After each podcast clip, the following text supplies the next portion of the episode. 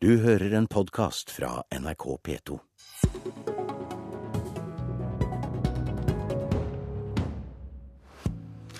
Mongstads ville ferd endte i Stortingets kontrollkomité i går, ikke på månen, som var den opprinnelige planen. Men noen gjør sitt for at de rød-grønne skal se stjerner og planeter likevel. Venstres Abid Raja kommer med en rett høyre. Det er flaut å se hvordan de rød-grønne forsøker å skrive om historien. Hvis du hører godt etter, kan du kanskje høre Martin Kolberg ta av seg silkehanskene nå. Saksordfører Abid Raja fra Venstre. Driver mannen ved din side historieforfalskning? Nei, det er ikke bare mannen ved siden av som er utfordringen. Vi må skru liksom tiden tilbake til en nyttårstale eh, hvor Jens Stoltenberg lovet nasjonen Norge Eh, en stor drøm om at man skulle få til fullskala renseanlegg på, eh, på Mongstad. Det store månelandingsprosjektet. Det havarerte. Og straks Riksrevisjonens rapport var lagt frem, de hadde skrinlagt dette prosjektet, og debatten var i gang, så har Jens Stoltenberg brukt all den tid deretter til å forklare at testsenteret på Mongstad var den ekte månelandingen. At det var egentlig ikke så viktig med fullskalaanlegg i det hele tatt. Det er historieomskriving. Det er, og det har han gjort i direktesendte TV-kanaler her i NRK. Eh, og det mener jeg er å, å kaste blår i øynene på, på, folket og bevisst forsøke å villede. Og det er flaut? flaut. Jeg, jeg syns det ikke tjener politikerne til ære. Eh, det er mye mer rakrygget at man sier at eh, man forsøkte, men man hadde ikke kostnadskontroll, og det gikk feil, og det havarerte.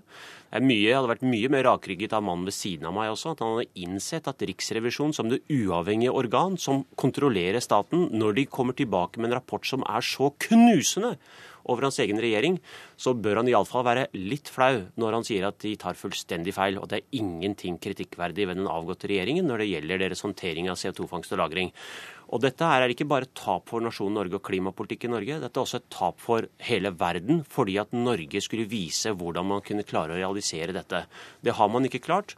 Så er det altså dette regnskapet som skal gjøres opp i ettertid, og selv da ser man ingen feil. Eh, og kanskje man skulle lært litt og hørt litt på Raymond Johansen, som sier at kanskje man har vært seg sjøl gode og så arrogante at man ikke engang ser feil. Man ser altså ofte splinten i andres, men ikke bjelken i sitt eget øye leder av kontrollkomiteen, Martin Kolberg fra Arbeiderpartiet. Knytter du neven nå? Ja, både ja og nei. Altså, det var jo en veldig stor visjon vi tok uh, fatt på med Stoltenbergs tale, uh, uh, hvor han kalte det for en månelanding. Han ga ikke noe løfte, men han sa det var en visjon. Og Det som er sannheten, og som arbeidet i kontrollkomiteen har vist, både gjennom kontrollkomiteens eget arbeid og alle de høringene vi har hatt, veldig omfattende, Eh, både av politikere og av eh, de som har stelt med dette, altså de som kan det, de som er eh, vitenskapsfolk, for å bruke et sånt uttrykk, dokumenterer jo at alt har vært prøvd og alt har vært gjort for å forsøke å få dette til på en ordentlig og på god måte. Og det som er en overraskelse for meg, for å bruke sånt uttrykk, det er jo at de borgerlige partiene, og særlig Høyre, vil jeg si, retter en så sterk kritikk mot Statoil og mistenkeliggjør Statoils ambisjoner med eh, prosjektet. Statoil var den eneste operatøren som på en saklig og ordentlig måte kunne eh, gjennomføre dette prosjektet. Eh, og blir altså nå mistenkeliggjort i retning av at dette har de ikke gjort med god vilje. De har hatt andre planer, de har tenkt annerledes, og derfor har også dette prosjektet havarert. Det er uriktig. Og jeg mener at Statoil har godtgjort at de har gjort hva de kunne for å få det til. Så vil jeg si en ting til som jeg mener er viktig å få sagt eh, i starten av denne samtalen. Det er at vi står igjen med et meget viktig teknologisenter. Der kommer som, historieomskrivinga? Ja, det er ikke noe historieomskriving, det. Altså, jeg, jeg har ikke noe saklig kunnskap om dette, selvfølgelig. Men jeg har hørt på alle som er møtt i Stortinget, fra alle forskjellige hold, som har kompetanse på dette, både nasjonalt og internasjonalt, som har sagt at dette senteret er meget verdifullt for framtida. For uten CO2-fangst og en god teknologi på det, så vil vi ikke klare å håndtere de store miljøutfordringene. Slik at det å skrive dette ned på den måten som Abid Raja og flertallet i komiteen gjør, mener jeg er meget uriktig og uheldig for Norge. Det er mye viktigere at man snakker opp det senteret, enn at man snakker det ned. Jeg håper eh, lytterne noterer seg at eh, den kritikken som Riksrevisjonen har løftet frem, og som jeg nå startet med å innlede med, det er ikke det Martin Kolberg snakker om. Han snakker om Høyre og forholdet til Statoil. Det er det som er hans hovedanliggende her, å avspore debatten til å handle om det. Det er ikke det Riksrevisjonens rapport dreier seg om. Den dreier seg om at Jens Stoltenbergs store prestisjeprosjekt, som vi har brukt milliarder av kroner på, offentlige penger, har blitt holdt kunstig i live fordi at det var et prestisjeprosjekt for denne regjeringen. Og så har den fullstendig havarert. Så kan man stille spørsmålet burde man ha stanset dette prosjektet langt tidligere, og har man holdt det kunstig i live fordi at det var et så stort prestisjeprosjekt.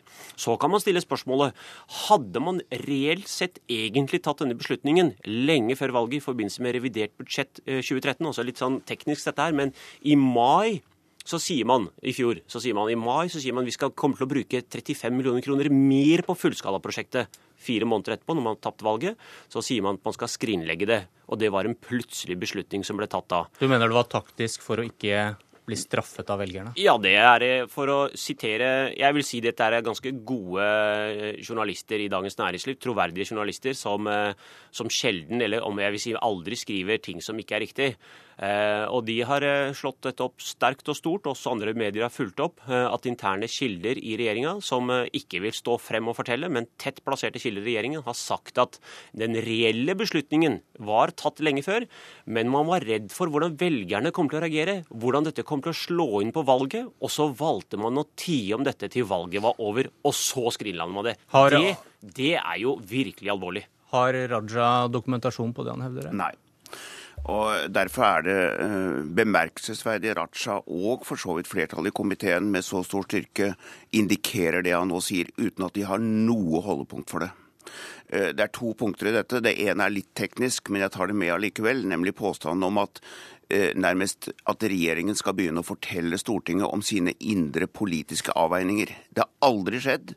Og det skal være veldig interessant å få høre om eh, representanter for den nåværende regjeringen mener det som Høyres og Fremskrittspartiets representanter i komiteen mener, at det er riktig at, Høyre, at regjeringen går til Stortinget med sine indre politiske avveininger. Det har aldri skjedd før, og jeg tror ikke de mener det nå, men de skyver det foran seg. Det er, det er parlamentarisk usaklig, og jeg syns ikke man burde komme med den type argumenter. Det er det ene. Men det som er viktig å få sagt nå i forhold til historieskrivning, det, må, det er følgende denne, det er ingen sak som Stortinget har fått så mye informasjon om som denne saken her. Det har vært arbeidet veldig intenst med det. Det har vært lagt fram fra Stortinget i veldig mange sammenhenger. Stortinget har praktisk talt med ett betydelig unntak eh, diskutert denne saken og sluttet enstemmig opp om den. Og når vi hører på Raja nå og stortingsflertallet, så er det jo rart at de laner eh, prosjektet, støttet støttet regjeringens forslag enstemmig i forbindelse med fjorårets behandling av statsbudsjettet. Uten noen form for kritikk. Det var ingen kritikk. Og da var rapporten fra Riksrevisjonen kjent. Den var ikke behandlet i komiteen, men den var kjent. Allikevel så sluttet seg enstemmig, enstemmig, også Venstre, til forslaget om å legge ned prosjektet. Ingen kritikk. Nå er det brei kritikk. Og det er det som kalles for politisk etterpåklokskap. Av verste skuffe, altså. Og det er, det er et forsøk på å sverte Arbeiderpartiet og den rød-grønne regjeringens politiske ambisjoner på miljøsida på en sånn måte at jeg syns det er veldig uheldig. Fordi, og det, det, er mine ord her nå, fordi jeg hører på de Rajas karakteristikker, og da må han få sånne karakteristikker tilbake. Hørte du, det er ikke Arbeiderpartiet som sverter regjeringen, det er Nei. du som sverter regjeringen. Ja, det er, det er Arbeiderpartiet. Ja, ja, han har vel antagelig glemt sin egen nestleders eh, forsnakkelse, men det får så uh, være. Hun har jo beklaget den. Men jeg noterer meg her, det Kolberg sier, og det folk må få med seg, er at det er slik at all kritikk mot eh, Arbeiderpartiet er usaklig og uparlamentarisk. Det er det Kolberg egentlig mener. Og det, jeg må stille spørsmålet også. Riksrevisjonen, som er det uavhengige organet vi har i Norge, som skal sjekke om regjeringen og, og forvaltningen har gjort det man er ment å gjøre. Og de kommer med en nådeløs dom. De sier fullstendig entydig Jens Stoltenberg, som i år og dager har sagt at uh, vi har ansvarlig økonomisk politikk, ikke har hatt kostnadskontroll. Man har latt gå prestisje i saken. Man har ikke stilt opp med incitamenter for å drive prosjektet gjennom. Og når man først har gitt en utslippstillatelse med ganske gode vilkår som var stilt i utgangspunktet, så har man altså uthullet de fordi at man ikke har klart å følge opp prosjektet på god måte. Dette er, er, det... dommen fra Riksrevisjonen, og ser ikke Martin Kolberg at, eh, at, dette er en nådeløs dom? Eller mener han at de også opptrer eh, da eh, i strid med parlamentarismen? Er det også etterpåklokskap Riksrevisjonen har drevet med, Kolberg? Jeg vil ikke karakterisere det som det. Men de sier jo akkurat det samme som i mange ordlag som det komiteen bygger på. Ja, nei. Fordi at det som, det som det som ligger mellom linjene i det som er innstillingen fra flertallet, er at regjeringen ikke har informert Stortinget på en ordentlig måte, tatt avgjørelsen på et annet tidspunkt enn det regjeringen selv sier at den har gjort. Nei, Det er feil. Det er ikke feil, det er riktig det jeg sier her. Det er det som ligger der. Det protesterer jeg mot, og det er ikke noe saklig grunnlag for å hevde. Dessuten så vil jeg si følgende. Det som er viktige, et av de viktige ankepunktene til Riksrevisjonen, det er påstandene om at gjennomføringsavtalen, som det heter, ikke var tilfredsstillende. Det har vært et sentralpunkt i hele behandlingen av saken. Og da eh, er det det å si at gjennomføringsavtalen kom i stand etter forhandlinger mellom staten og Statoil.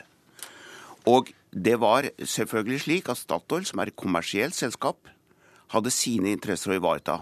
Og det er ingen annen operatør som kunne gjøre dette på en ordentlig og skikkelig måte i Norge enn var Statoil. Og Derfor så ble avtalen som den ble. Men vi sitter igjen med et godt resultat, selv om vi selvfølgelig innrømmer at vi ikke greide det som var hovedmålsettingen, nemlig fullskala rensing. Veldig kort til slutt, ja, eh, Raja. Jeg må bare få sagt at uh, det som står i innstillingen, det er det som står i innstillingen. Og det er at uh, vi stiller spørsmålstegn ved om den reelle beslutningen var tatt på et rillig tidspunkt. Med konklusjon, altså, som er altså at vi ber Stortinget fatte vedtak om at arbeidet var kritikkverdig. Den er, ber, den er basert på en helhetlig og sammensatt vurdering, hvor alle de momentene har tellet med, som vi har ramset opp i innstillingen. Det er ikke én ting som har gjort at vi har kommet til det. Det er flere momenter som har kommet til at man mener at dette er kritikkverdig. Hvis du er forvirret nå, politisk kommentator i NRK Lars Nehru Sand, er det som har skjedd kritikkverdig, eller er dette etterpåklokskap? Stortingets flertall mener at det er kritikkverdig, og da mener de hele den rød-grønne regjeringens arbeid med prosjektet, og ikke deler av det arbeidet. Eh, og så er det selvfølgelig åpenbart at eh, Mongstad som helhet ikke har gått etter planen. Men når man leser innstillingen, som bærer den veldig preg av at for halvparten av partiene som skriver, så er dette en evaluering. For halvparten av dem så er det den formalistiske kontrollhøringen som kontrollkomiteen skal drive med. Hvilke paradokser ser du i den innstillingen som komiteen har, har kommet med? Det mest åpenbare er at nå er Høyre og Fremskrittspartiet heller overbevist om at det beste hadde vært å stille krav om rensing av gasskraftverket fra dag én. Eh, når man vet at en regjering har gått av på gasskraft i Norge, og, og hvor betent gasskraftstriden var i mange år, og også det poenget at SV, som ikke støtter denne merknaden, var de eneste som politisk sett krevde rensing fra dag én, så ser man at dette er nok også en form for historieskrivning som i hvert fall blir eh, spesielt sett i lys av hvordan det, politikken var da, og hvordan man skriver evalueringen nå. Men hvilket bilde tegner denne innstillingen av selve konseptet her, at et kommersielt selskap og staten skal samarbeide om, om store industriløsninger? Det er nok det viktigste læringspunktet som kan være gjennomførbart, eh, eller overførbart til fremtidige prosjekter. Det handler om at eh, når industri og politikk skal samarbeide, så er avtaleverket eh, svært vesentlig, og det var ikke godt nok. Det mener jo også Riksrevisjonen er det sentrale i historien om Mongstad. Senterpartiet er alene fra de rød-grønne partiene og kritiserer avtalestrukturen og mener at Statoil ikke hadde insentiver nok til å lykkes. Kort til slutt. Er eh, elektrifisering av Utsira blir det en test på om man har lært noe her? Det er i hvert fall på kort sikt av det vi vet nå, et prosjekt som også har den dimensjonen over seg at industri og politikk skal samarbeide, og det faktum at det ligger eh, hva som er ingeniørmessig mulig, men også hva politikere ønsker seg av miljømessige eh, målsetninger til grunn for det man skal vedta. Jeg sier takk til Lars Nehru Sand, Martin Kolberg og Abid Raja. Politisk kvarter er slutt. Jeg heter Bjørn Myklebust. Du har hørt en podkast fra NRK P2.